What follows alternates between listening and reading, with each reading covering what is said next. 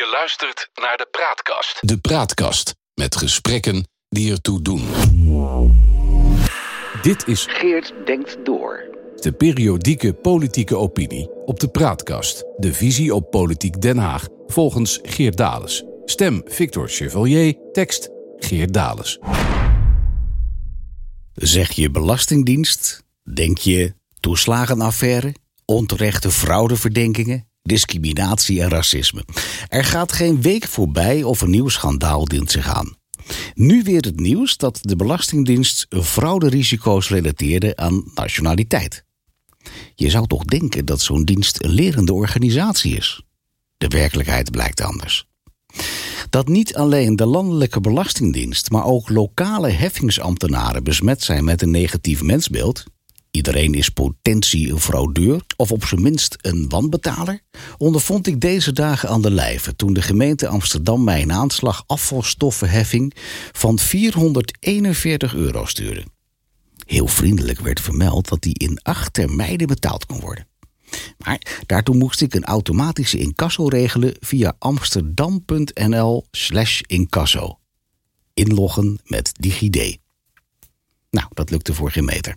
Wat ik ook deed, stevast kwam ik terecht in mijn bankomgeving... waar nergens ook maar enige optie voor het instellen van die maandelijkse incasso... ten gunste van de gemeente Amsterdam in beeld kwam.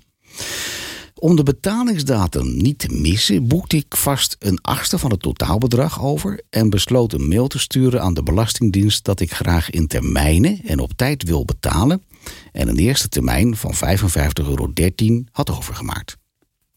Ook informeerde ik dat ik op mijn bankrekening voor de nog resterende zeven maanden een periodieke betaling had ingepland. Of dit akkoord was. Nou, je zou een vriendelijk antwoord verwachten. Het werd wat anders. U heeft een betalingsregeling aangevraagd. Alsof ik een sloeber ben die aan de grond zit en met hangende pootjes aan het loket verschijnt. Met deze brief bevestigen wij dat u de betalingsregeling krijgt. Nou, zo zegt dat valt mee. Maar bij de aanslag stond toch vermeld dat die in termijnen betaald kon worden. Dus wat nou krijgen? Moet ik dankbaar zijn? De regeling gaat in op 29 maart 2020 en geldt alleen voor de volgende vordering: 441 euro afvalstoffenheffing. Ja, sorry hoor, eh, ambtenaar van de Belastingdienst. Had ik dan om iets anders gevraagd?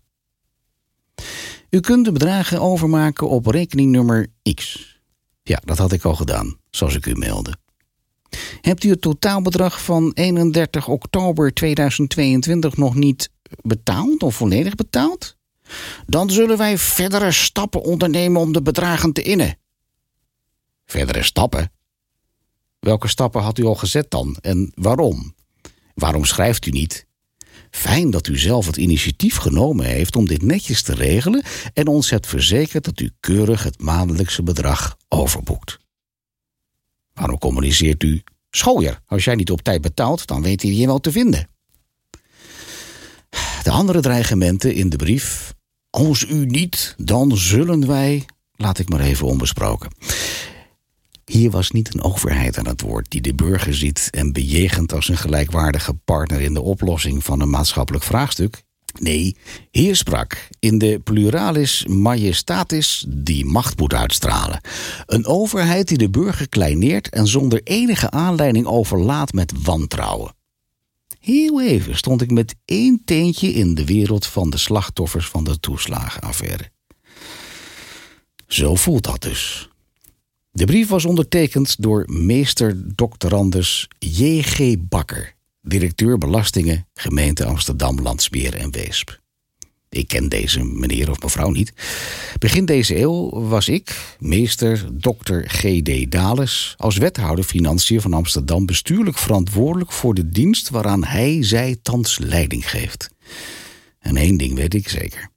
Zo'n arrogante, neerbuigende, klantonvriendelijk en intrinsiek wantrouwende bejegering van de burger bestond toen niet.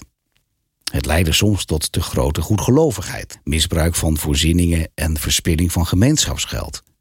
Maar wat de Belastingdienst heden ten dagen uitstraalt, is veel erger. Bovengenoemde correspondentie is kruimelwerk en irrelevant in het licht van de grote actuele schandalen rond de Belastingdienst. Maar het geeft wel een indicatie over de grondhouding in die wereld.